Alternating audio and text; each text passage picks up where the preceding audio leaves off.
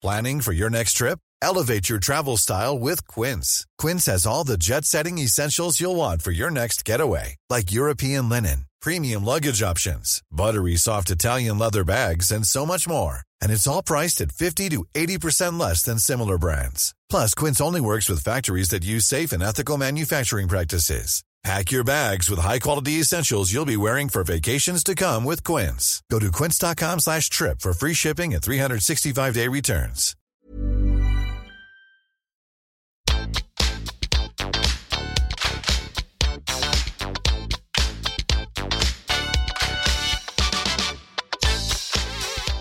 Hei alle sammen, og velkommen tilbake til podcasten Karriereveiledning med Elaine. Denne ukas episode så har jeg et lite karriereportrett som dere skal få lov til å ta del i. Det er ingen ringere enn Ine Olsen, som er branningeniør. Og nå jobber hun som avdelingsleder forebyggende i Kongsberg brann og redning. Ine er en skikkelig grepa dame som har virkelig gutsa og turt å følge drømmen. Hun sier også at hun har hoppa i sølepytten mange ganger og har masse livserfaring som hun byr på. Vi snakker også om dette med mannsdominert og kvinnesdominerte yrker. Og hvis du er noe du lurer på, så har Ine sagt at du er hjertelig velkommen til å ta kontakt med henne. Så alle sammen, denne episoden her, den er verdt å lytte til.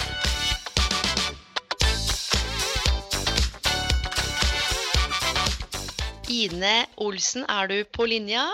Jeg er på linja, vet du. Hei, hei. Hei, Ine. Du, tusen takk for at du hadde lyst til å være gjest i dette karriereportrettet. Tusen takk for å bli spurt. Det var veldig hyggelig. Ja, men så bra. Du, vet du hva? Jeg tenker at eh, vi skal gå rett på, jeg. Ja. For dette er jo et karriereportrett, og vi kunne ha snakka om veldig mye forskjellig. Vi kommer sikkert inn på forskjellige ting. Og nå har jo de nydelige lytterne fått en liten intro. Så det jeg vet du jobber med nå, det skal vi komme litt tilbake til. Men kan ikke du fortelle meg sånn kjempekort Jeg skal bare si du er branningeniør i bunn. Ja. Det stemmer. Ja. Var det en sånn lifelong dream, hvis vi starter litt sånn fra begynnelsen av? Visste du når du var liten at det, der, det var det du skulle bli? Eh, ikke branningeniør, men jeg visste at jeg skulle bli brannmann. Jeg har jo vokst opp med en far som har vært brannmann. Og eh, Ah, ja, så jeg, jeg visste jo det. Men eh, at, det, at jeg skulle ende opp som branningeniør, det, det kom ikke før en del år senere. nei, fordi jeg vet jo hva han Sier man branndame nå, eller er det brannmann uansett om man er mann eller dame? Korrekt tittel sånn, men når man jobber i, altså, som brannmann, så er det jo brannkonstabel som er liksom den offisielle, eller den, hva skal jeg si for noe, den tittelen man, eh, som står på papiret. Men det, man sier jo veldig ofte brannmann, og det er vel ikke Ja. så veldig mange som kikker så mye på det, egentlig. Nei. Og jeg tenker at eh, da er det jo brann... eh, Altså branningeniør. Altså branningeniør. Ja. det, det, altså, det, ikke sant? De som lytter, de jobber jo mye forskjellig, studerer mye forskjellig. Noen har ikke jobb, noen er ute på reise. Det er veldig stor variasjon i lytterne her. Fra veldig unge opp til 70 år. Um, kan ikke du kort bare forklare hva er en branningeniør Ine? Du, en branningeniør, vi eh, På skolen så blir vi jo eh, Da har vi jo, jobber vi mye med å, å regne på dette her med brann, og energi som en brann gir. Ok? Eh, på lik linje som at en byggingeniør eh, regner på lastbæring på et hus, f.eks. Så, eh, så det er jo veldig sånn brannrelatert og eh, hva skal jeg si for noe, så litt en sånn teoretisk del av en brann, da. Ja. Så hvor mange år er denne utdannelsen? da? Det er tre vanlige tre år som bachelor, og så kan man jo bygge på etter hvert, men da er det jo ikke en ren branningeniør lenger. Da, er det jo, da går man jo litt andre veier. Ja. Men, men det er en treårig bachelorutdanning. Men man sitter vel ikke bare og regner, liksom? Jeg, jeg da. spør. men- Nei, men altså, brann er jo veldig mye matte, fysikk og kjemi. Ja. Så det er jo veldig mye sånne fag det går i. Mm. Eh, så er det jo, kan man jo velge noe valgfag og sånn ved siden av. Nå er det jo noen år siden jeg gikk ut, da, så det er klart at det skjer jo veldig mye på utdanningsfronten hele tiden. Mm. Så Men det er et veldig viktig poeng òg. Jeg har også anbefalt ofte en side som heter utdanning.no, hvor man kan lese seg opp liksom det siste nytt og alle utdannelser. Samtidig så er det jo veldig spennende, fordi jeg har jo jobba med mange mange mennesker, men jeg har sjelden hatt branningeniører innom på karriereveiledning. Nei Uh... Er det, er det masse stillinger der ute? Altså, hva tenker du? Er det lett å få jobb som branningeniør? Altså, eh, i hvert fall så har det vært sånn eh, Nå er det jo Jeg var ferdig i 2007. Ja. Eh, og vi ble jo, veldig mange i mitt kull, vi ble jo rekruttert inn i jobber før vi var ferdig på skolen. Ah. Eh, fordi eh, det er jo eh, eh, det er, det er liksom ikke en utdanning du kan ta hvor som helst i hele Norge. Jeg tok min i Haugesund som eneste høyskole i landet som tilbyr den type utdanning. Ja. Eh, eller så kan man jo også velge å reise til Skottland, Australia, USA. Mm. Eh, og så er det jo også en i Sverige, men der er det i Lund i Sverige Ja. er det også en sånn type utdanning. Da. Så, men det blir ikke utdanna så mange i løpet av et år. Eller i hvert fall, jeg må jo kun snakke for når jeg gikk på skolen, for Ja, ja. nå har jeg mista litt oversikt. ja. Men, eh, så vi var veldig heldige. Det er eh, ingen av mine medkulinger som har stått uten jobb. Sånn som Nei. jeg vet om, i hvert fall.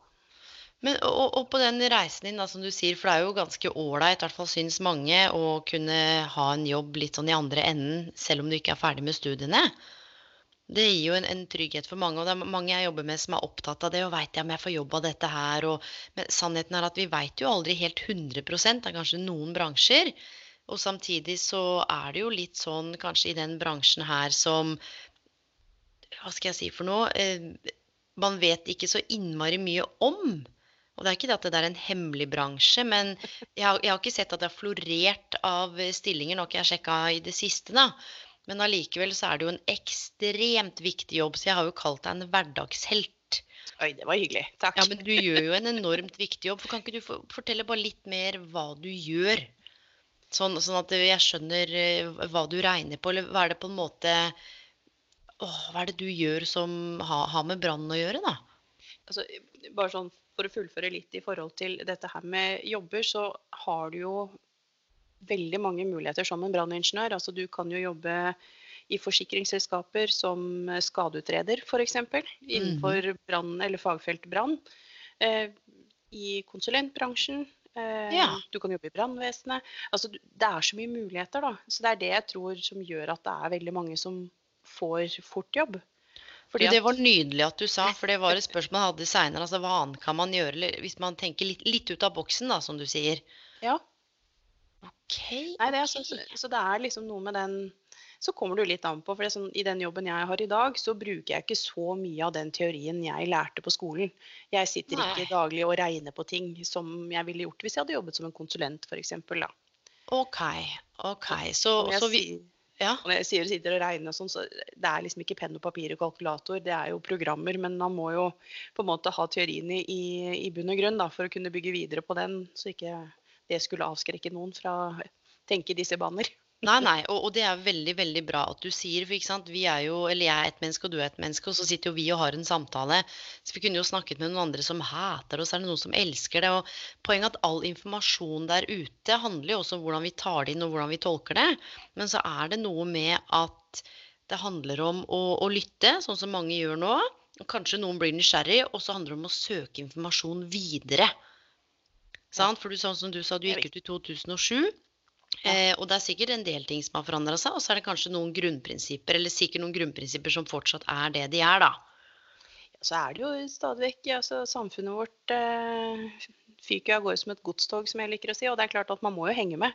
Så det at Mhm. det blir jo stilt andre krav kanskje til utdanningen nå enn hva det var når jeg gikk, eh, for alt jeg vet. Så, men det du sier, altså det om å søke informasjon og, og det der om man er nysgjerrig på noe og jo kanskje ikke finner ut å ringe skolen og kanskje ikke er fornøyd med det svaret man fikk der, så ok, men så gå og google på nettet. da. Det fins mange branningeniører. Og sånn som jeg tenker at hvis det er noen som ringer meg og spør du, er Hadde ikke du blitt på- glad? Jeg hadde blitt kjempeglad. Og det er det jeg tror også. Jeg vil ikke si at folk bommer, for det er så Jeg hater å være bastant. Men det å plukke opp en telefon og 'Hei, Ine, jeg fant det her og der. Noen tips og råd?' Eller Vi elsker jo å hjelpe til, hvis vi i hvert fall har kompetanse eller kunnskap til å hjelpe.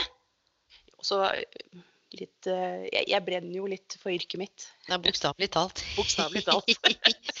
Så, så derfor så tenker jeg kan jeg hjelpe noen og påvirke noen til å velge velge gå den retningen, så det hadde gjort dagen min i hvert fall. Du, det er jo helt fantastisk å høre. Og så er jeg litt nysgjerrig, da, for litt tilbake til som du sa, pappaen din var brannkonstabel. Ja. Er det noen andre som har inspirert deg til å gå den karriereveien?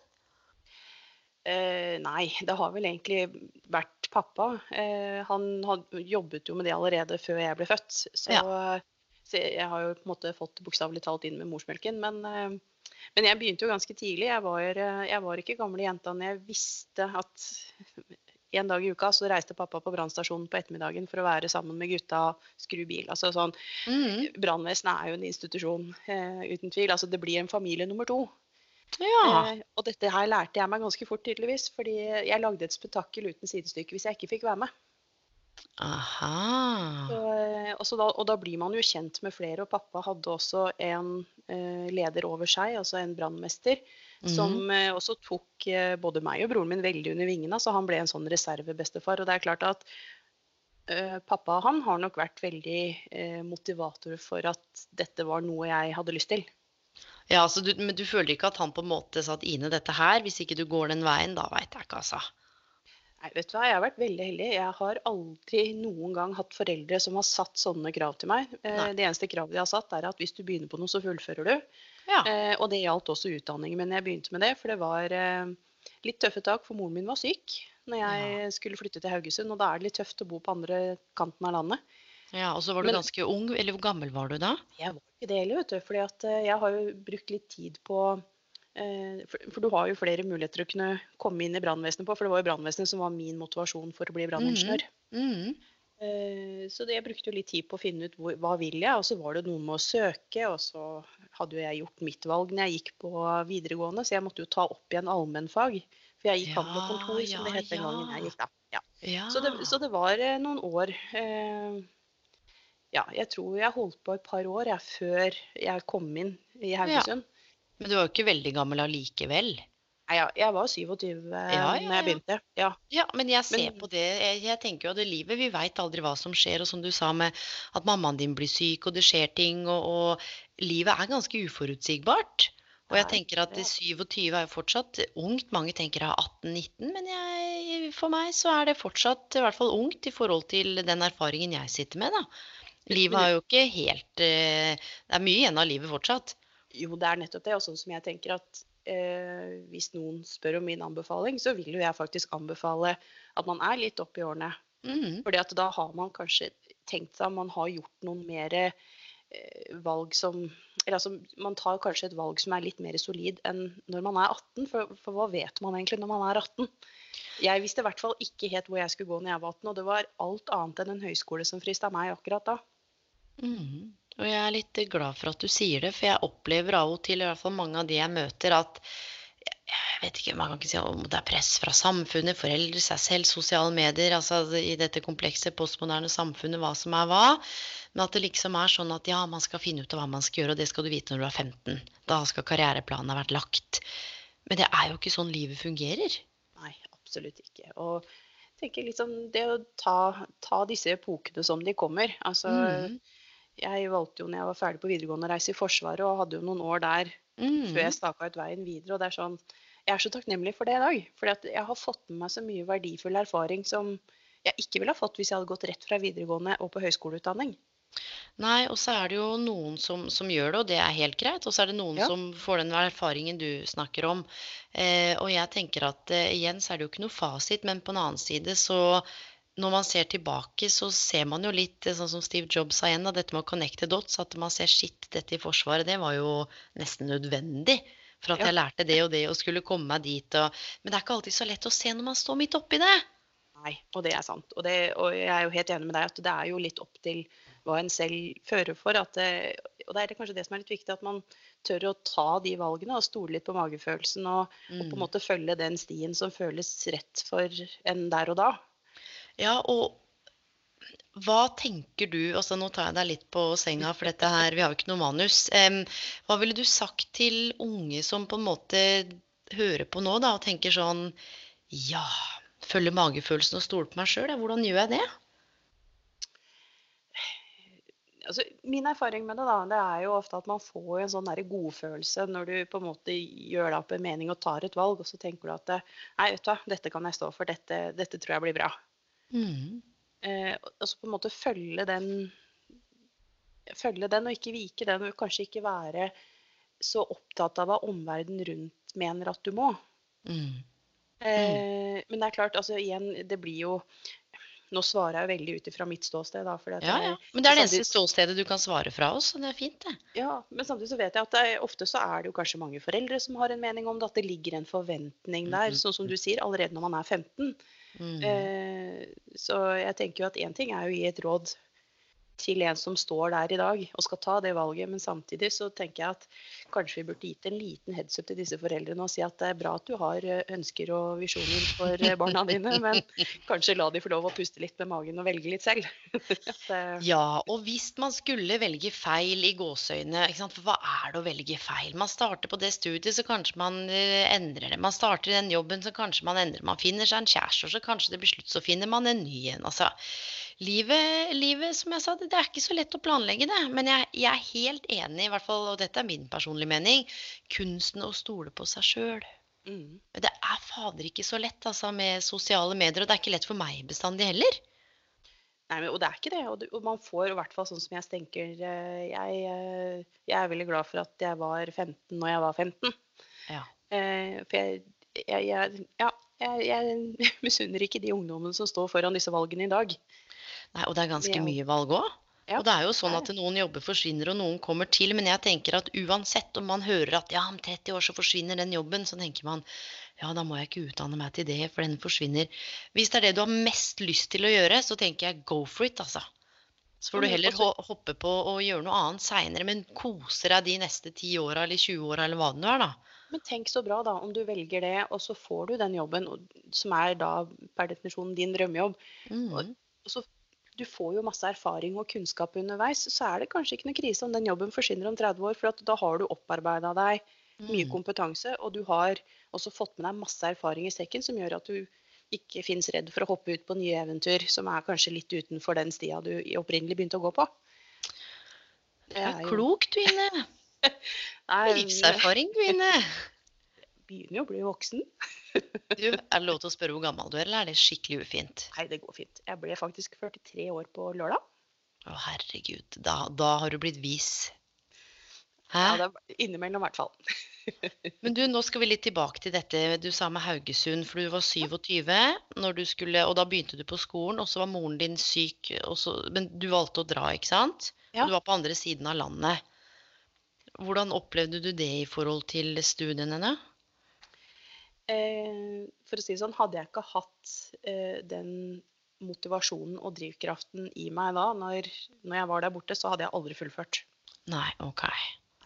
Hvordan var støtten der fra mamma og pappa? så at det var OK at du reiste? Ja, eh, det var jo ikke noe tema å ikke dra. Nei, Eh. Og det var jo flere ganger underveis i studiet at jeg sa til moren min at vet du hva, jeg avbryter og kommer hjem, og så kan jeg heller ta det opp igjen. Og da Mhm. fikk jeg bare beskjed om at det var ikke tema. Nei, hun var Eh, det- såpass tydelig, ja.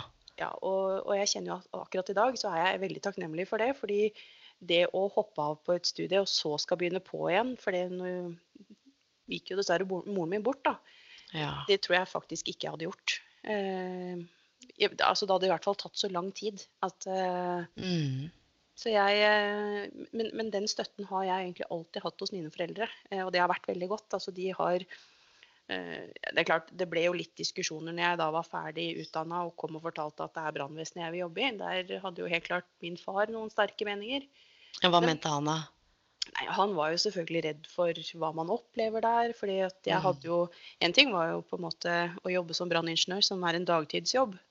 Eh, Men jeg fattet jo ganske fort interesse for også det å kunne være brannkonstabel. Og det hadde jeg muligheten til hos den arbeidsgiveren jeg var hos da. Ja. Eh, Og jeg tror mer det var for at han var en beskyttende far. At han vet eh, av erfaring hva man kan møte på. Og at han var redd for at det kunne bli tøffe tak. Men eh, vi ble jo enige til slutt. Og eh, tror nok han er veldig stolt i dag, altså. Du, det kan jeg tenke meg at han er. Fordi du jobber jo ikke som branningeniør. Du gjør jo det, men du har jo en, en, en annen stillingstittel nå. Kan ikke du fortelle litt om det? Ja?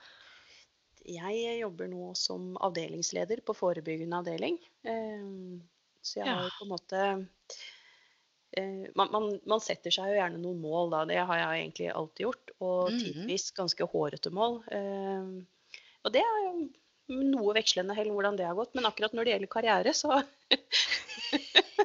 har, det, har det gått sånn Da har det gått bra. Og så forfriskende at du er ærlig. Vet du hva jeg blir svett av? Og det må jeg si, nå kommer jeg sikkert til å få noe kritikk, men det er sånn når alt bare er på stell 24 timer i døgnet, og alle mål og alle Altså, vet du hva? Det er med vekslende hell inne. Og så går det bra på en, ett område, og så går det til helvete på det andre, og så går det kjempe, skjønner du? Og så må man finne den balansen. Men, men det som er så bra, da, de gangene det går rett vest, de Mm. gangene du møter, eh, møter på store bumper i veien eller en utfordring, altså der og da så kan det kanskje kjennes ut som et slag i ansiktet som, eller et slag i magen som virkelig bare Mhm. tømmer deg for luft. Mm. Men, men samtidig så er det noe med det at eh, verden går jo videre. Eh, og Mm. jeg tror at man møter ikke på større utfordringer enn det man kan takle. OK, det er en fantastisk overbevisning å ha. Jo, men altså, jeg har på en måte vært ute noen vinternetter nå da, og møtt på noen utfordringer. Og det er klart at det har vært tøffe tak å stå i de. Eh, og eh, det har jo liksom gått så langt at jeg har på en måte begynt å tvile litt på, på meg selv. Ja. Men, men, I, men I jobb, eller? ja, egentlig både jobb og, og altså, nå, nå er det jo litt vanskelig fordi at jeg er så heldig at jeg får lov til å jobbe med hobbyen min. Så her er liksom grensen mellom jobb og privat, den er eh, tidvis litt usynlig. Ja, og, og dermed, nettopp fordi den er tidvis usynlig, og fordi det er litt sånn 'wherever you go, there you are'. Mange sier jo sånn 'jeg går på jobb og legger inn privatlivet hjemme', men det skjer jo ikke. Vi er jo det hele mennesket. Så jeg er glad for at du sier det. Altså både at det er usynlige grenser der, men det er klart, opplever man noe som er et slag for selvbildet, eller at noen tviler på det, eller noe som gjør at eh, et eller annet ikke kjennes OK, så, så vil det også kanskje kunne påvirke privatlivet, da. Ja, uten tvil. Altså, det, man klarer jo ikke å legge fra seg det, for da, da er det jo mer på det personlige plan. Da er det jo ikke en arbeidsoppgave lenger, på en måte. Altså sånn Mm. um, så, Hvordan takler man det, da? Eller hvordan har du takla det? Hvis, som du sier, altså med vekslende heller vært ute noen vinternetter. Hva, eh, Nei, altså, hvis jeg skal være veldig ærlig, da, så eh, vær så ærlig som du ønsker. Jeg vet ikke hvem som lytter. Det kan være tidligere leder. Altså, jeg har ikke peiling på hvem som hører på, så ja, si Ja. det du ønsker å si. Så Jeg, jeg har eh, egentlig hele livet mitt levd litt etter det mottoet at den som gir seg, er en dritt. Mhm. Eh, og det er klart at i enkelte situasjoner så er ikke det veldig heldig. For innimellom så må man faktisk gi seg. Det er ikke verdt å kjempe kampene. For, at du, du ser at det man sitter igjen med, om man går seirende av eller ikke altså, Jeg Mm. tror kanskje ikke det er verdt det, alltid. Eh, og det har kanskje vært det som har gitt meg mest læring. Eh, men samtidig så er det noe med det når du får det litt på avstand, du har kommet deg gjennom, så ble kanskje ikke utfallet helt det du hadde håpet på, men OK. Og så kan man lene seg tilbake og si at ja, men OK, jeg lærte faktisk noe av det. Jeg, jeg tar med meg ting som jeg putter bak i den gode ryggsekken min, som jeg Mm. vet jeg får brukt for. Og det er sånne ting som dukker opp innimellom. Og det er sånn Ja, det var kanskje litt hat der og da, men allikevel så er det egentlig gull verdt. Litt sånn som Espen Askeladd, da. Mm, mm. Ikke sant? Plutselig så får du brukt for det du ikke trodde du kom til å ha noe nytte av uansett. Ja, og det ser jeg med alle de menneskene jeg jobba med, gang på gang på gang på gang. Og så er det jo ulike, ikke sant. Noen sitter jo med traumer. Og det å, miste noen, eller miste mammaen sin, er jo en, en traume inne, uten tvil. Em, og det er jo, ikke sant, det, vil jo påvirke deg som menneske, det vil jo påvirke livskvalitet, det vil jo påvirke ganske mye. Og samtidig så har ikke jeg noe sånn ja, tiden leger alle sår jo lenger tid det går. Og, for det er noen ting vi opplever som, som alltid vil ligge der, som det kanskje ikke alltid er like lett å dra lærdom ut av. Men som man kan reflektere over ikke sant? Og, og sette pris på det som har vært godt. Og du sa jo noe fint i stad, til den støtten hun, hun, hun støtta deg jo. Ja, ja, Og det visste absolutt. du, ikke sant, og, og var ekstremt takknemlig for. Og så er det noe med det når, når livet skjer på ulike arenaer, og hvis vi ser bort litt ifra de verste, verste tøffe, tøffe tingene, så er det jo dette med feilvalg og alle disse tingene man er redd for, hvor kanskje mye av den gode erfaringen du snakker om nå ligger, da. Ting som du sier du ikke hadde peiling på, plutselig så kommer det til nytte på en eller annen arena om to år. Jo, men ja, og så er det noe med det, sånn som du sier, at, og det er jo faktisk helt menneskelig å feile. Ja, og det, men hvorfor glemmer vi det? Hvorfor er vi så redd for å velge feil? Hvorfor er vi så redd for at eh, folk skal tenke på oss som failures? Altså, hva handler det om? Jeg tror kanskje samfunnet er på en måte blitt litt sånn. At det, det virker så tilsynelatende perfekt over hele fjøla. Mm. Eh, og så vil man på en måte ikke erkjenne at eh, nei, det er ikke helt sånn hjemme hos meg. Men så tenker jeg at jeg, jeg blir jo glad når folk kan fortelle meg altså, Jeg har jo ansatte som kommer og så bare Du, fader, altså. Det seneste i dag kommer en inn på kontoret mitt og sier han ah, nå må du bare finne fram spanskrøret, for nå har jeg tråkka Ja. salaten. Og så blir jeg liksom lattermild, og så hører jeg hva han sier. Så sier jeg vet da, flott, da innser du faktisk at her var det en glipp. Men det er helt greit. Mm. Sånn er livet. Du er et menneske. Altså, du, det, er, det er jo ingen av oss som altså, vi, vi er jo ikke roboter. Vi er jo ikke programmert inn til å huske alt som skal skje. Og, Eller gjøre alt riktig, eller skjønne alt, eller vi føler så mye rart, og vi er irrasjonelle. Sant? jo, men, og, og liksom sånn, også disse kravene, og det, det snakker jeg om av erfaring. Også dette her med å sette sånne skyhøye krav til seg selv. Altså, jeg, hadde det vært en, eh, et eget verdensmesterskap, så hadde den gullmedaljen vært min. Hadde du vært på førsteplass? Ja, jeg tror det. Den pallen hadde jeg toppa. Du, det er mulig at du deler den med, med en del av lytterne. Altså, og en Ja, del av det de tror jeg jeg. Jeg har også hatt skyhøye krav til meg sjøl tidligere. Og så bestemte jeg meg for når jeg starta firma, så tenkte jeg det er om å gjøre å drite seg ut, altså. Og ikke overfor kunder eller være ufin, men jo mer jeg glipper eller bommer, eller, men kan sette meg ned og reflektere over det jeg har gjort, dette med erfaringslæring, jo større og sterkere og bedre og klokere og roligere og mer balansert blir jeg. Men det er noe med å sette av den tiden, da til å gjøre de refleksjonene. Og det er ikke bestandig så lett heller, for det er så mye som skjer hele tida. Det er det. Men det er jo akkurat det du sier nå, som jeg tenker er nøkkelen til, Mhm. til, ja, til å mestre en, en, eh, en hverdag. Det der å på en måte ha for det første kanskje litt selvironi. At oi, shit, ja ja. Ja. Okay. Der sa du det. Og vet du hva? Det er både sexy og nydelig og sjarmerende med mennesker som ikke tar seg selv så høytidelig. Ja. Nei, altså, ja. ja. Det er, jeg har jo møtt utrolig mye mennesker gjennom både yrkeskarriere og i privatlivet mitt, og det er sånn Når jeg møter voksne mennesker som er livredd Og når jeg sier Mhm. voksne, så er det sånn, da definerer jeg meg selv litt som ungdom. Mm. Eh, som, som altså er livredd for å trå skeivt.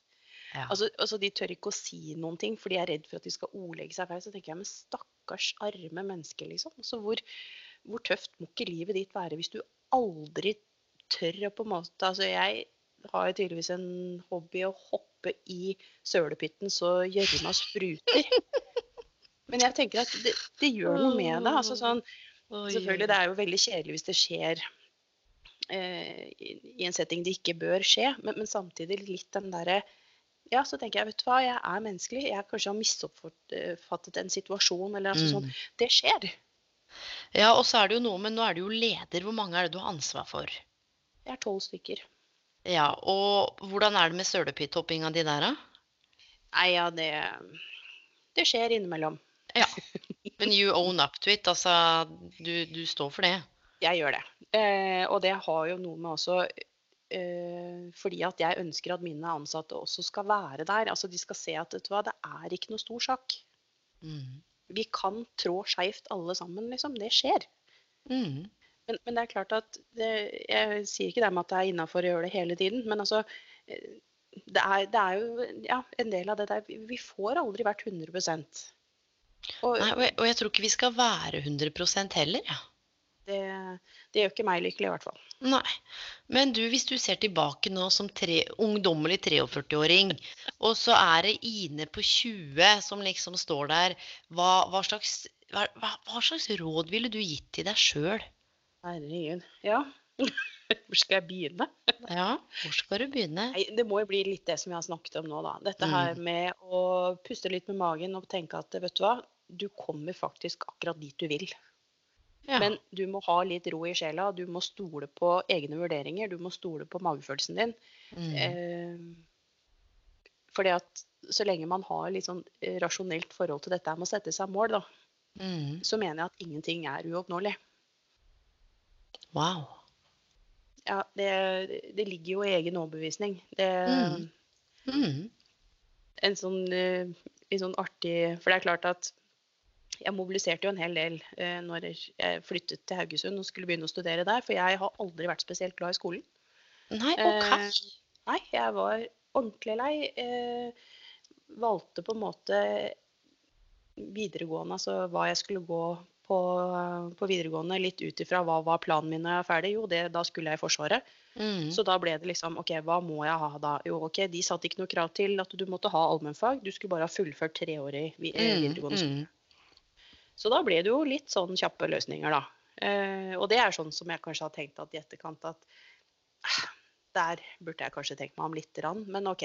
Gjort er gjort. Mm. Vi har fått, eh, fått med oss noe videre uansett, da. Mm, mm.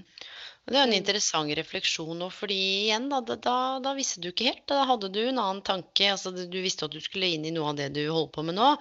Men igjen Ja. så var det ikke ikke sant, Det var ikke helt Alt var ikke planlagt sånn stein for stein. Og det er litt jeg ønsker å få igjennom i, den, i den podkasten her òg. At eh, ja, planlegg, sett deg mål og gratulerer og stå på og jobb. Men samtidig vær åpen og fleksibel for at planene kan endre seg, livet kan skje. Noen inspirerer deg. Kanskje du hører på det her og tenker å herregud, branningeniør. Det var det yrket jeg ikke visste fantes, som jeg brått vil inn i. Og så ender du opp med å hoppe av studiet og gjøre gjør noe helt annet. Og. Derfor det er så interessant med disse karriererådene. ikke sant? Når man spoler tida tilbake at jeg skulle ønske jeg hadde gjort sånn eller gjort sånn. Men de fleste jeg snakker med, sånn som du sa nå, ja, det var jo ikke så verst allikevel. Det ordna seg jo. Nei, men jeg jeg har fått med meg masse bra erfaring. Og det er klart at jeg, jeg visste jo eh, også fordi at jeg ønsket å gå i retning av brannvesenet, så Mm. tenker jeg OK. Eh, forsvaret er ingen dum eh, institusjon å være innom da. Nei. Eh, og fra hvordan jeg var som 19-åring, og hvordan jeg da var eh, når jeg på en måte da avsluttet i Forsvaret og skulle begynne å studere, Mm. den, Jeg husker moren min eh, når jeg kom hjem, eh, og da hadde jeg vært i Forsvaret en stund, altså.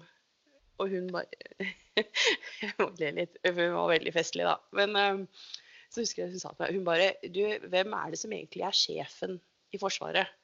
Og så ble jeg litt sånn Hæ, hva tenker du?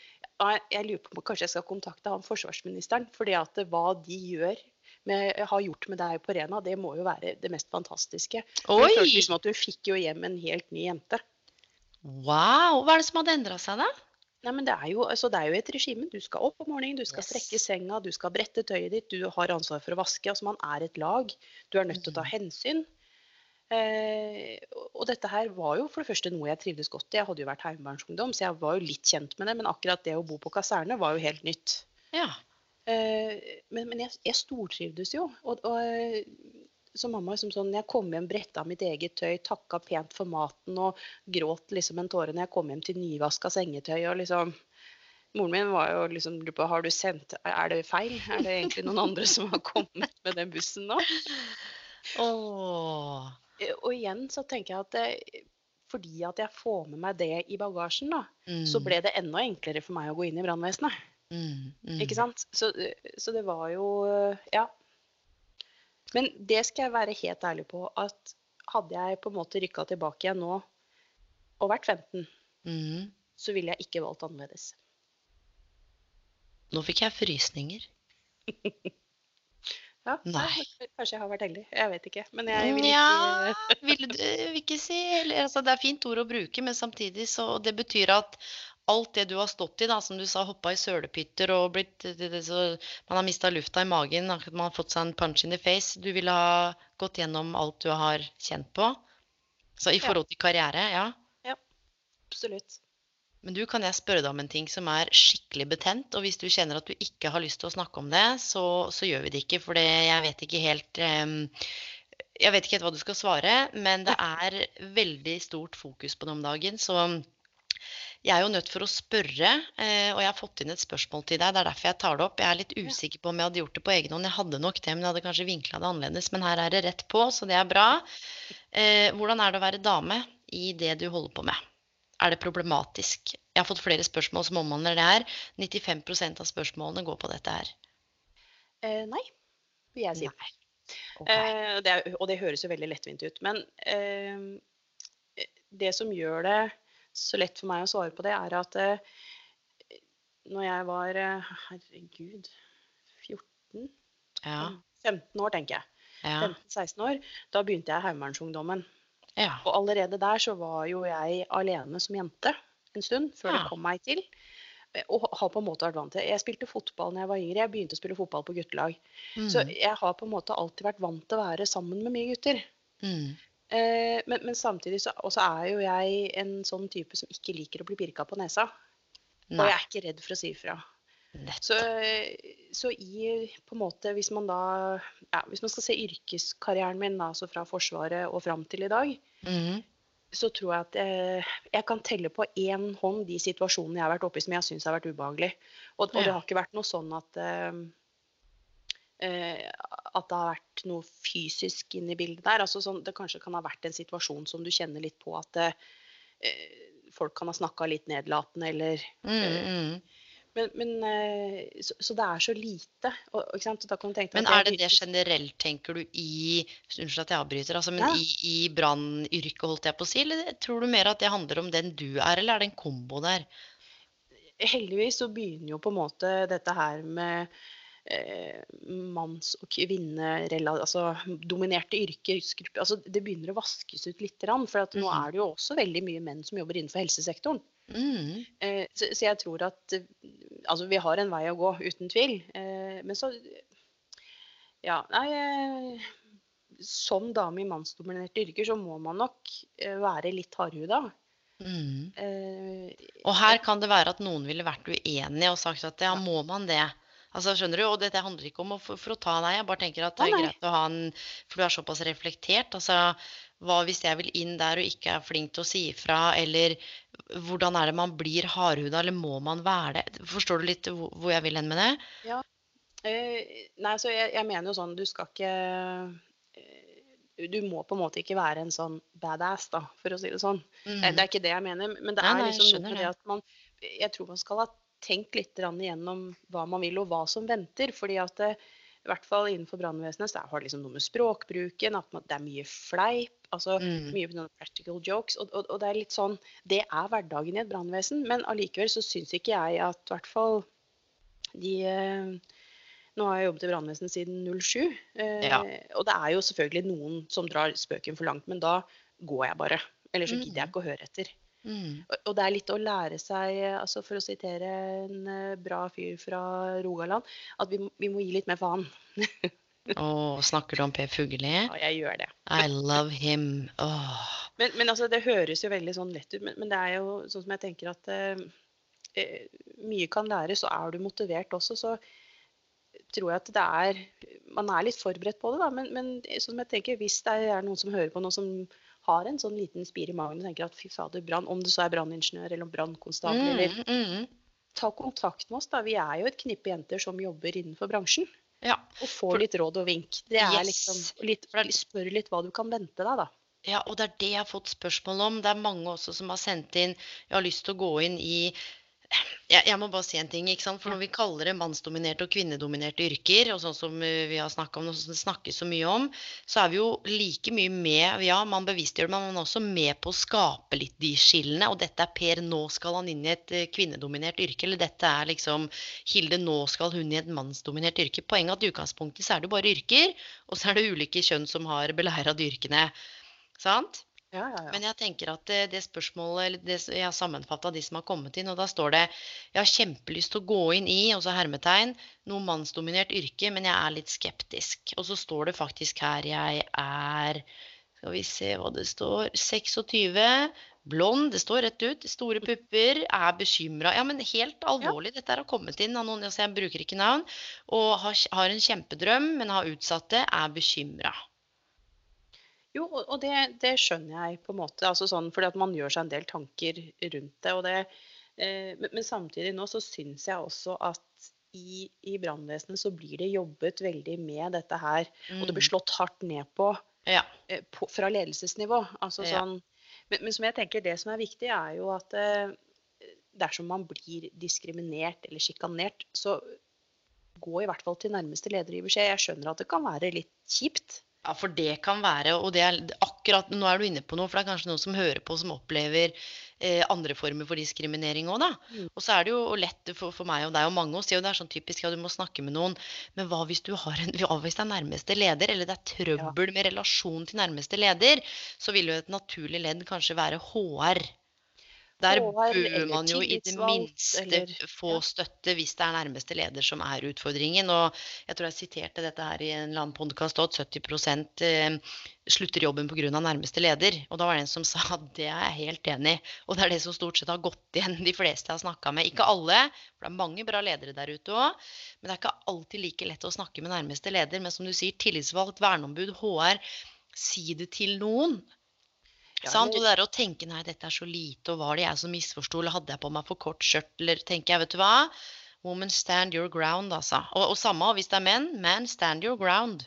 Men snakk med noen som du har tillit til. Ja, Det jeg er akkurat nøkkelen. si det. Det er jo det som er viktig. Snakk med en du har tillit til, som du vet at du kan eh, og, og liksom, akkurat det der som du sier, da. OK, er det faktisk noe jeg sa nå? Mm, mm. Eller fordi Og det mener jeg at det skal ikke være sånn uh, uansett at man skal gå i seg selv og tro at å ja, det var helt sikkert min skyld. Nei, det er absolutt ikke det jeg mener. Nei, nei, nei. nei, nei. Nei, uh, men, jeg tenker samtidig litt at litt selvinnsikt er å tenke OK, uh, for det er situasjoner som jeg har vært oppi. Mm. Hvor jeg kan ha vært med på en spøk, eller at jeg kan ha sagt noe som har blitt tolka feil i andre enden. Ikke sant. Og så får du tilbake kanskje en litt sånn kommentar som du kjenner at ei, den der var Dette ikke var grei. ikke greit. Men, men da har jeg godt tenkt OK, her var det rom for misforståelse. Da, Mm, mm. da kan ikke jeg på en måte For, for sånn er det jo litt grann at eh, er man på en måte med på sjarongen som går, så, så må man jo også takle at det kommer Hvis man slenger litt med leppa, da, så må man på en måte tåle at det kommer Ja. noe tilbake igjen òg. Ja. Og så er det jo også noe med, som du sier, både den selvinnsikten, men også kunne si fra, eller i hvert fall kjenne på hvis det, hvis det går for langt, at man ikke går hjem og tenker at dette er mitt ansvar, og nei, og nå sant, blir det kleint på jobb, og så tenker alle andre kommer til å se på meg rart, og så skaper jeg mye styr, og så kanskje jeg mister jobben. Det er veldig mye, og jeg, har fått veldig masse spørsmål nettopp fordi du er kvinne i et mannsdominert yrke. Så er det 90% kvinner som har skrevet inn, og dette her er på en måte eh, tema Ja. som, som har kommet inn i stor grad. Og så er det jo viktig igjen, du er deg, jeg er meg. Vi veit jo bare det vi veit. Og så sitter det jo enormt mange andre bransjer og bedrifter, og vi kan jo ikke svare på hvordan det er der ute. Og du kan jo bare svare for den lille delen av bransjen din som du har sett. Og så handler det om hvem du er, og hvem du blir i møte med andre, hvem andre blir i møte med deg. Og kommunikasjon er jo et evig tema i forhold til kommunikasjonssvikt, ikke sant? humor, latt, alt mulig. Hvordan vi misoppfatter, eller de gangene vi faktisk ikke misser. Dette er så, det er så svært, da. Det er artig at du nevner det, for min største utfordring i min hverdag, det er jo dette her med kommunikasjon.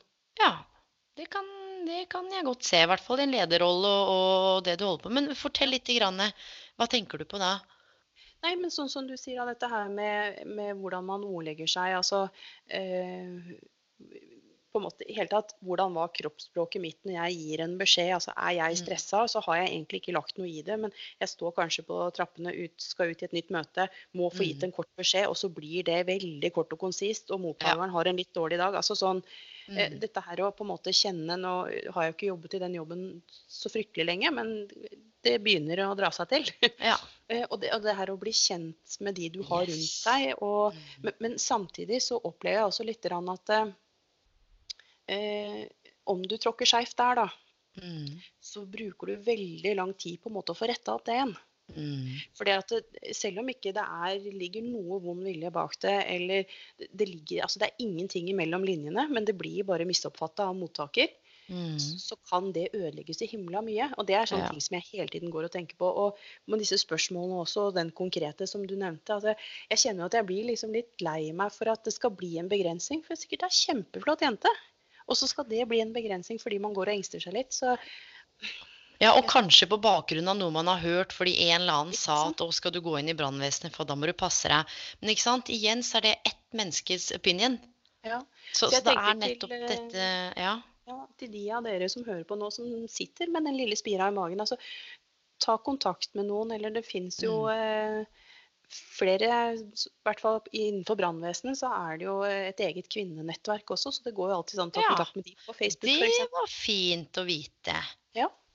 Ålreit, ålreit. Ja, men du, jeg er glad for at det, kom inn spørsmål, at vi toucha borti det. Man kunne egentlig lagd elleve episoder om akkurat det her.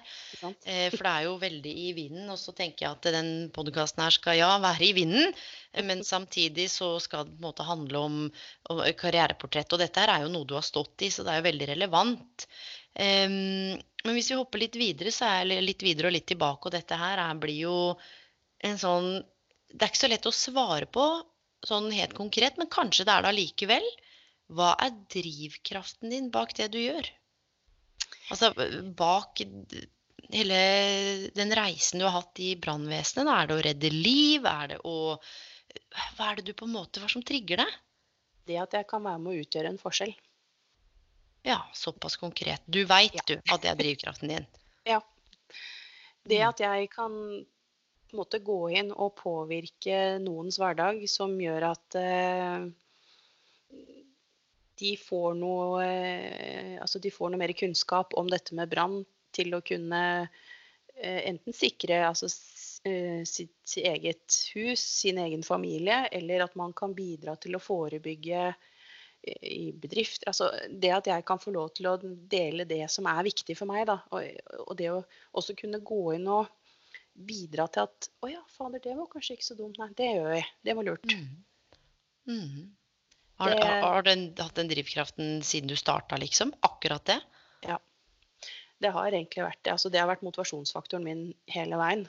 Og den har aldri glippet, den har bare vært der, selv hvis det har vært tunge dager på jobb òg. Fordi det er et sånt annet spørsmål. Har du opplevd noe altså utfordrende dager på jobb, eller har du stått i noe du trenger ikke utlevere, eller liksom Men sånn, har du virkelig opplevd noe som har vært utfordrende, hvor du kjenner at selv den drivkraften, den er i ferd med å Den flammen er i ferd med å bli liten? Og hvordan har du takla det? Så det har jo vært dager på jobb som jeg tenker at her kom vi for seint. Ja. Her skulle vi ha vært før. Mm. Eh, og nok helt sånn i startfasen så tror jeg nok kanskje at jeg dro med meg mye av det hjem etterpå. Tenkte liksom hva kunne vi gjort annerledes her? Mm. Eh, var det noe vi burde ha sett? Men samtidig så Det er så mye som skjer. Vi, vi klarer på en måte ikke å nå over alle. Eh, men så er det noe med å på en måte legge noen strategier da, for å prøve å få så stort mulig nedslagsfelt som mulig. Og så sette inn innsatsen der det virkelig gjelder. Mm. Eh, vi jobber jo eh, mye mot risikoutsatte grupper. Eh, og det For at, Altså- hva er det dere jobber med da konkret? Fordi det er jo ikke alle som kjenner til dette her. Jeg kjenner jo noe til det gjennom karriereveiledning. Eh, jeg har ikke hatt så mange, men jeg må jo sette meg en del ting. Men nå har også jeg muligheten til å forstå enda mer. Altså hva konkret er det dere gjør, da? Er, det å sikre bygg, eller er det liksom hvor fort får vi ut noen hvis det brenner? Hva, hva er på en måte Hva henger sammen med den driveren, da? Ja, du, ja, du tenker på min, altså drivkraften min? Ja, og, og Ja. drivkraften din og det du faktisk gjør i hverdagen, hvordan det kan hjelpe noen. Altså, I hvert fall sånn i forhold til når vi jobber med risikoutsatte grupper, så er vi jo Det er jo stort sett privat, eh, eh, privatpersoner det er snakk om.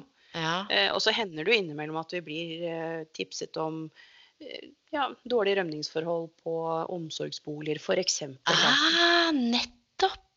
Og, og det er klart at det, eh, det å gå inn i en privatbolig til et Mm. menneske som har litt redusert boevne og altså, Det kan være For at der havner i hvert fall jeg litt i en sånn derre Jeg er veldig profesjonell når jeg må, men, men samtidig så jeg, jeg har mye empati, og jeg er veldig sånn Jeg er veldig glad i mennesker. Eh, og det er ofte litt leit å se eh, Og nå- og ofte så når vi kommer, så er de jo veldig glad for at vi kommer. Eh, Har de, er det noen som har ringt dere, eller er det, dere har fått tips, og så kommer Ja. dere, eller er det noen som har tatt kontakt? Ja, vi får eh, tips, eller ja, enten at noen ringer eller sender en e-post, eller så har vi faktisk også en sånn meldingstjeneste som folk kan gå inn og sende Ah. bekymringsmeldinger på. Ja, det er greit å vite. Ja. Hvis vi kjører litt reklame for det, altså branntips.no heter Jo, den. jo. den. Den gjelder eh, for veldig mange brannvesen.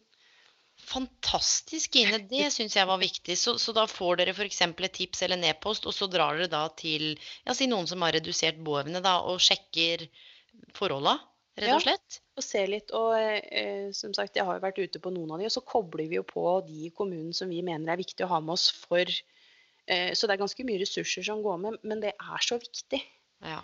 Og så, ja, nettopp. Eh, Og det er, eh, Vi skal ikke ta den diskusjonen nå, da, men det er jo, har jo, henger jo litt sammen med kommuneøkonomi. og det er jo også blitt en men, men altså, akkurat de dagene der, altså, de kan være kanskje litt sånn altså De kan være litt tøffe når de står på. fordi at du, Mm. du kommer på en måte inn i det aller helligste. på en måte, altså det er, Du er innafor utgangsdøra. Mm. Eh, og jeg opplever jo at vi blir jo sluppet inn. Fordi de Mm. syns jo at det er greit at vi kommer, og, og det er så mye skjebner, da. Eh, men samtidig, så når vi eh, kommer, så forteller de jo. Ikke sant? Altså, de har en veldig tillit til, eh, til brannvesenet. Mm. Og det tror jeg mange har òg, altså generelt. Ja, og det, og det setter jeg veldig pris på. Og den tilliten skal ikke vi misbruke. Så, så vi er jo på en måte nødt til å gjøre vurderinger. Og, og det er klart at innimellom så kan det være litt tøffe tak, for det er kanskje ikke eh, Kanskje vedkommende må flyttes, f.eks. At det, det er ikke mulig å, å la vedkommende bo hjemme lenger. Pga. at boevnen er såpass redusert at dette går ikke bra. Mm. Og så er det jo ofte at vi må ta samtaler med pårørende og forklare litt hvorfor det er sånn. Og det er klart at eh, ja, jeg, jeg tror Du, ikke jeg jeg fikk helt inspirert, jeg. Altså, sånn, ja, men jeg tenker, vi ble ikke jeg branningeniør? Altså, satt på spissen. Ja, men det er derfor jeg vil ha, eller har deg altså, som hverdagshelt. Fordi dette gir oss et innblikk i noe Akkurat det du beskriver nå, står kanskje ikke på hvem som helst side om en branningeniør. At du får lov til å dra hjem til noen med redusert boevne og faktisk utgjøre en kjempeforskjell. Altså, ikke sant? Du får ofte de overordna linjene om ting. da. Så får man ikke disse historiene her. Det viser jo et helt annet aspekt av det, i tillegg til at du antageligvis da kommunikasjon, må jobbe tverrfaglig, masse hensyn å ta, det er sikkert budsjetter oppi dette her, og ja, så er det de menneskelige historiene. Ikke sant? Og det er noe med det, og, og der er det jo så viktig for meg. altså sånn som jeg tenker at Når jeg da kommer hjem fra jobb og tenker at fy fader, fy fader i dag, ass. Ah, for en dag. Det er nesten så jeg har lyst til å gi meg sjøl en sånn gullstjerne. som Jeg husker. Men jeg, jeg vet en del barn som har det at hvis du får fem gullstjerner, så får du gå på kino. eller Ja, ja, ja. Det er liksom eh, Ikke fordi at jeg skal belønne meg selv med en kinotur, eller noe sånt, men det er liksom fordi at de dagene er så viktig å huske de dagene alt rakner. Ja, og spesielt, som du sa, litt i forhold til både selvfølelsen og Mhm. drivkraften. og litt sånn, hva er det, Det spør jeg ofte folk om. da, Husker du hvorfor du begynte med det du gjorde? Og den gullstjerna kan jo være en sånn fantastisk påminnelse om at ja, det gjør jeg faktisk. I dag så huska jeg det.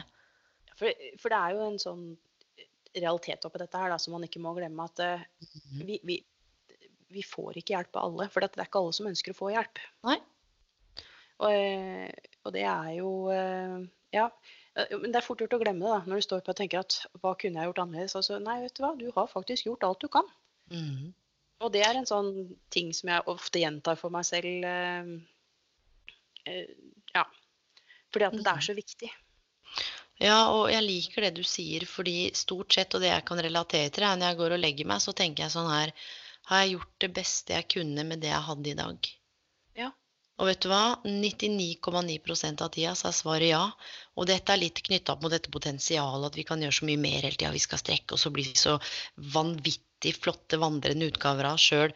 Vet du hva? Noen dager så er det 80% og kanskje ikke, Nå snakker jeg ikke sånn bare konkret i jobben din, at du kan ikke bare være på halv tolv. Men noen ganger så er potensialet ditt kanskje 100% noen ganger så er det 90% I den ene rapporten du skulle skrive, så gikk den litt kjappere enn den andre. Eller altså, har, du gjort, har du gjort så godt du kunne med det du hadde i dag? Sant? Med de forutsetningene du hadde for den dagen. Og hvis svaret er ja, så tenker jeg at da fortjener du en gullstjerne, altså. Ja, jo, men, man... men det er jo akkurat det. Mhm. Eh, og det er jo kanskje sånne ting som også kommer litt med livserfaring. Mhm. Ja, og, og, og man kan sikkert alltid bli bedre og gjøre mer, og det kommer det òg, men det å vite at du har den drivkraften din, og du faktisk har gjort en forskjell, og du gjorde alt det du kunne i dag, da, at det på en måte er godt nok. Det betyr ikke at du skal reflektere over ting du ikke kunne, altså, kunne gjort annerledes, men bare vite at ok, nå kan jeg legge meg med god samvittighet. Ikke sant? Ja, nei, det er viktig det, altså. Det er, Mhm. eh, for vi er ikke, igjen, som vi snakket om tidligere, vi er, vi er jo ikke supermennesker. Altså, vi klarer ikke å nå overalt. Nei, og det er jo litt interessant, for det bringer meg over til et eh, sånn avsluttende spørsmål, og det er jo Ine, du sa du liker å hoppe i sølepytten, og i hvert fall tidligere skyhøye krav til deg sjøl, setter deg høye mål, og i en alder av 43 nå, avdelingsleder forebyggende på Kongsberg. Hva gjør du om fem år, da? Veit du det? Åh, jeg håpa egentlig ikke at du kom til å stille meg det spørsmålet. Du trenger ikke svare, og det er kanskje ikke lurt å si det. Jeg tror ikke jeg er der jeg er nå, altså. Der er jeg bare på sånn springbrett, vet du, for at jeg skal komme meg videre. Jeg vil ikke si til noen. Nei, altså, jeg eh, Når jeg på en måte satt meg med så sa jeg at karrieremålet mitt er avdelingsleder på forebyggende avdeling. Og så tenkte jeg jeg kan sette meg noen litt andre hårete mål også. Dette er å kunne være varabrannsjef f.eks. Og det å kunne kjøre innsatsleder. Mm. Eh, jeg fikk en mulighet eh, til den jobben jeg har nå, eh, som medførte for meg at jeg var nødt til å flytte fra der jeg bodde. Flytte fra venner og familie. Eh, Hvor langt er du unna venner og familie, Var så Ja, folk eh, Nå kjørtes det jo voldsomt ut, men jeg, jeg flytta Det tar 1 time og 20 minutter å kjøre, da. Jo, jo, men vet du hva? Det er å flytte fra venner og familie det når du har folk rett utafor døra eller i nærheten. Ikke sant? Eh, men, men da fikk jeg jo på en måte alle de tre tingene. Eh, og jeg følte Wow. at dette er en sjanse jeg ikke kan la gå fra meg. Men, men vurder, nei, du tenkte, det var ikke noe i deg som tenkte sånn Nja, faderullan. Skal jeg Jo. gjøre det? Ja. Det var det, altså. Eh, og det er litt sånn Jeg er veldig familiekjær. Eh, og ja. veldig sånn Eller nei, jeg er ikke det. Jeg trodde jeg var veldig stedsbunden, men, men det er jeg visst ikke. Har jeg Nei. ut. Nei, det er en erfaring jeg har gjort meg nå. Men, men det er klart, jeg tenker jo stadig vekk at Ja, det er jo på en måte der jeg er født og oppvokst. Det, det er jo på en måte det som blir hjemme.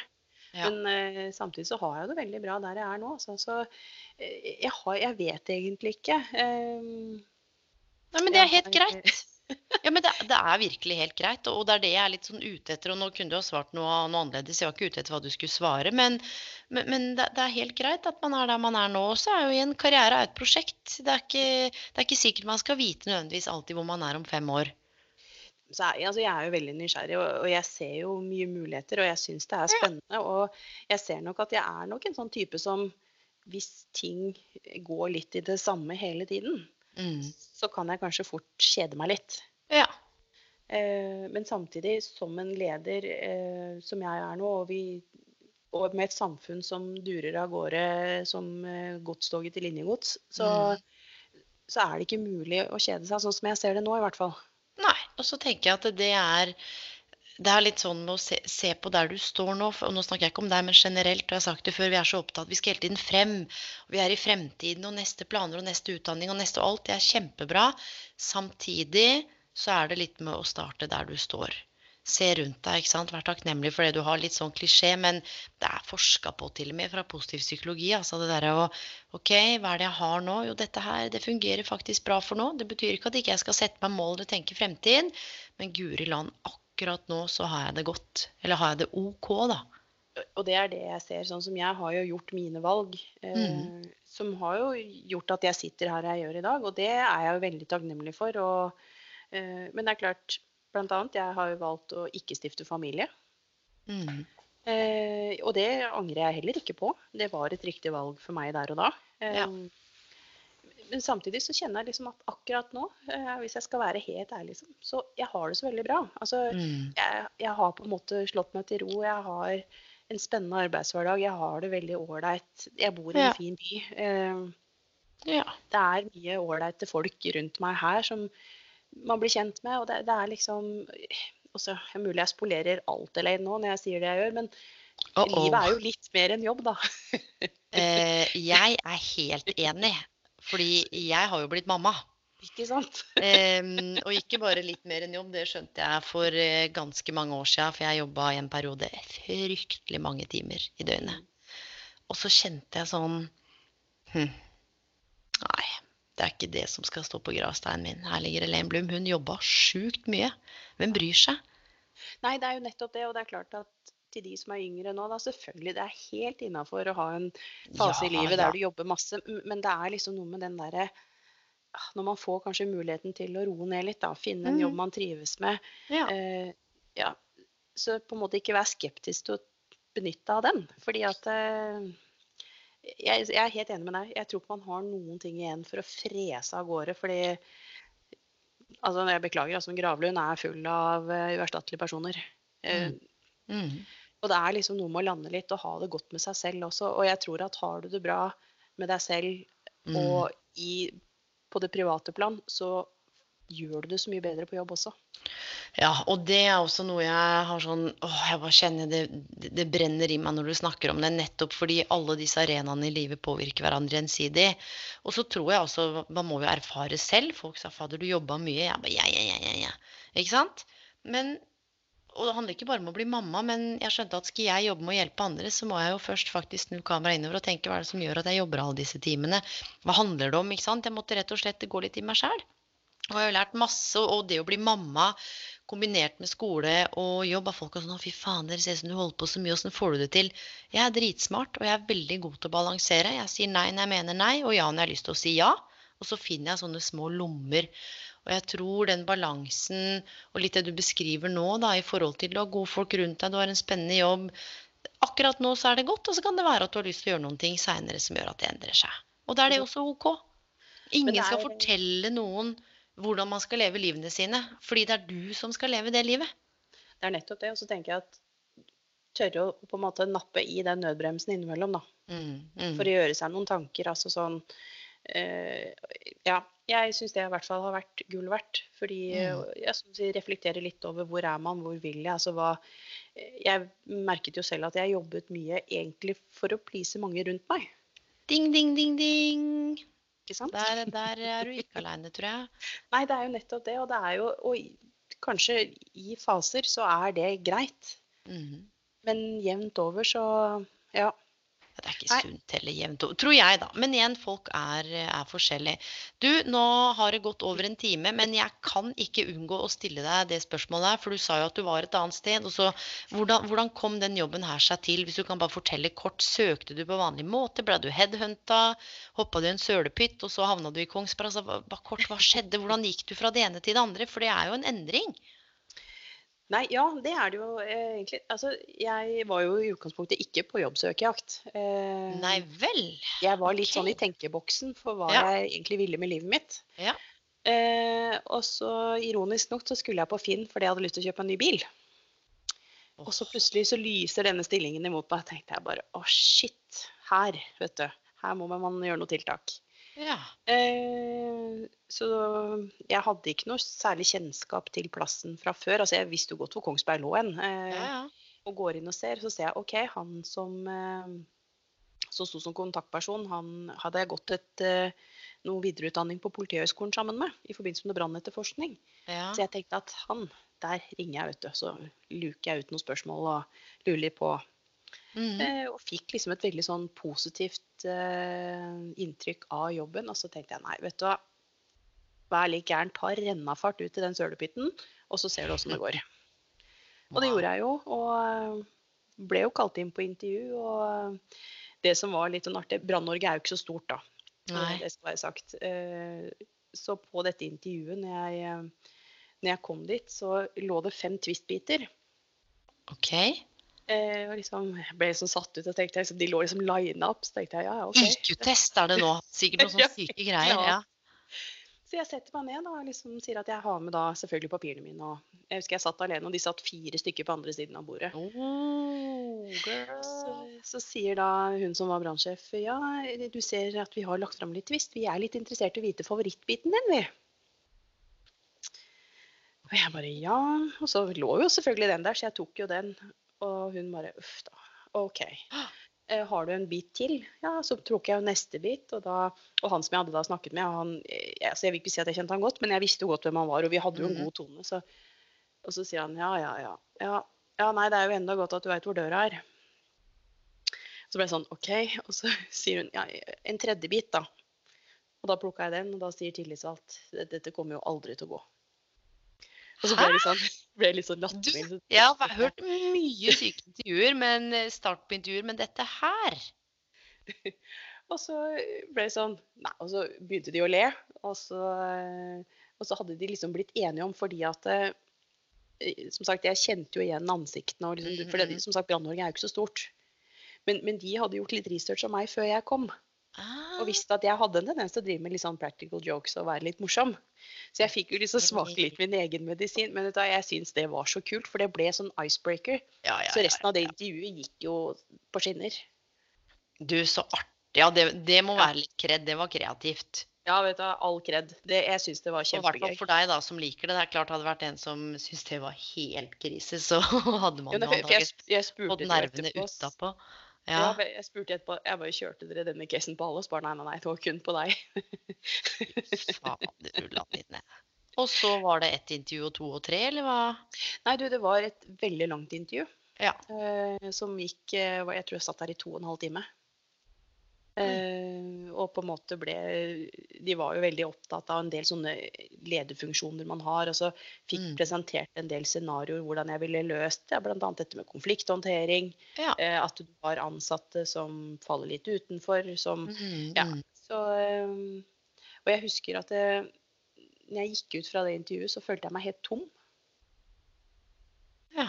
Eh, og så var jeg veldig sånn, og det er jeg veldig opptatt av, som jeg også var da når jeg søkte denne jobben, så var det ikke sånn at jeg liksom var på min på arbeidsplass, min nåværende arbeidsplass, eller daværende arbeidsplass, da, så gikk jeg som ikke og sa da jeg har søkt meg en ny jobb, skal på intervju. For jeg tenker sånn, det skaper så mye uro i bedriften hvis man får vite at folk begynner å søke jobb, så jeg tenkte at dette holder jeg for meg selv fram til det blir aktuelt. Ja, og jeg tenker at eh, nå tar du opp noe som er veldig viktig, for det får jeg ofte veldig mye spørsmål om. Og det er opp til hver enkelt hvordan man gjør det. Og du valgte å løse det sånn, og det tenker jeg helt innafor, for det var riktig for deg, ikke sant? Ja, jeg hadde informert nærmeste leder, det hadde jeg gjort. Mm, Men jeg sa at jeg ønsker på en måte ikke at det skal være noe snakk om det. eh, Nettopp. Fordi at det kan skape litt uro, da. Mm, Så, eh, og så husker jeg det var for jeg var jo så gira når jeg dro derfra, og samme dag så skulle vi ha sommerfest med min daværende arbeidsgiver.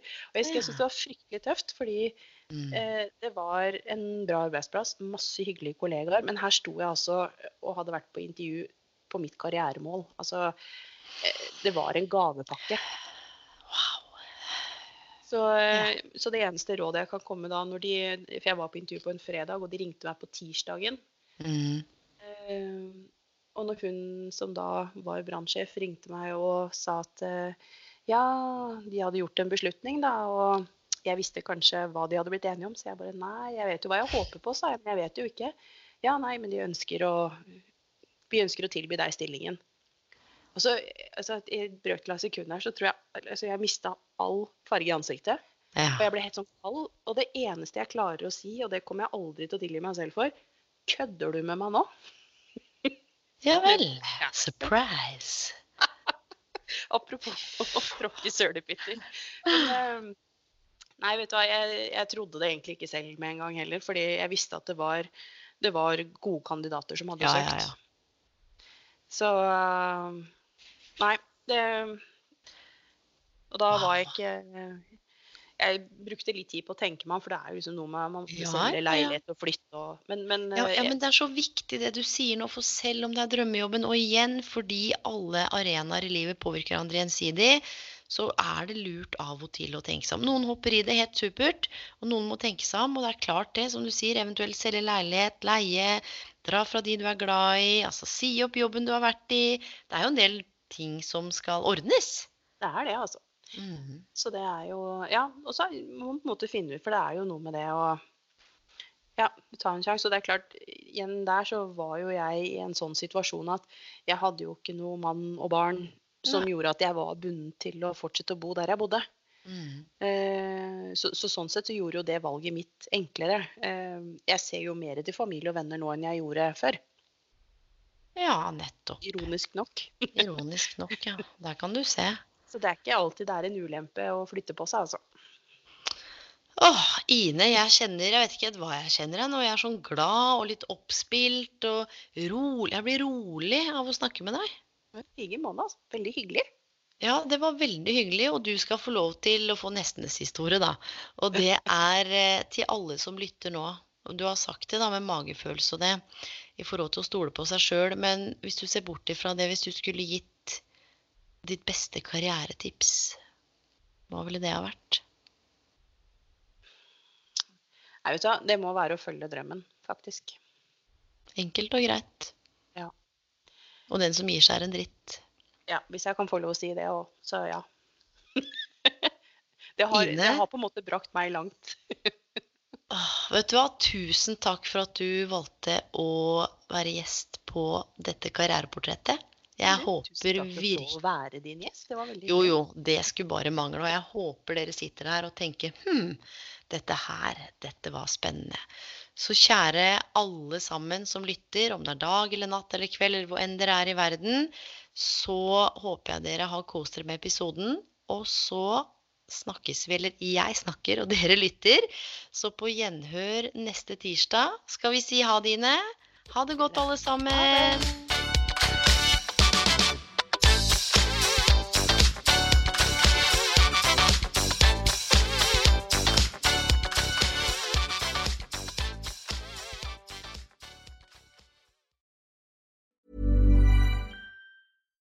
My business used to be weighed down by the complexities of in person payments. Then, Tap to Pay on iPhone and Stripe came along and changed everything. With Tap to Pay on iPhone and Stripe, I streamlined my payment process effortlessly. Now I can accept in person, contactless payments right from my iPhone. No extra hardware required. What's truly remarkable is how I can cater to all of my customers' payment preferences. Whether they're using cards, Apple Pay, or other digital wallets, Tap to Pay on iPhone and Stripe ensure a smooth checkout experience every time. And it's not just me. Stripe helps businesses of all sizes, from local markets to global retailers, scale quickly and stay agile. To learn how Tap to Pay on iPhone and Stripe can help grow your revenue and reach, visit stripe.com slash tap iPhone. Ever catch yourself eating the same flavorless dinner three days in a row? Dreaming of something better? Well, HelloFresh is your guilt-free dream come true, baby. It's me, Gigi Palmer. Let's wake up those taste buds with hot, juicy pecan-crusted chicken or garlic butter shrimp scampi. Mm. Hello Fresh. Stop dreaming of all the delicious possibilities and dig in at HelloFresh.com. Let's get this dinner party started.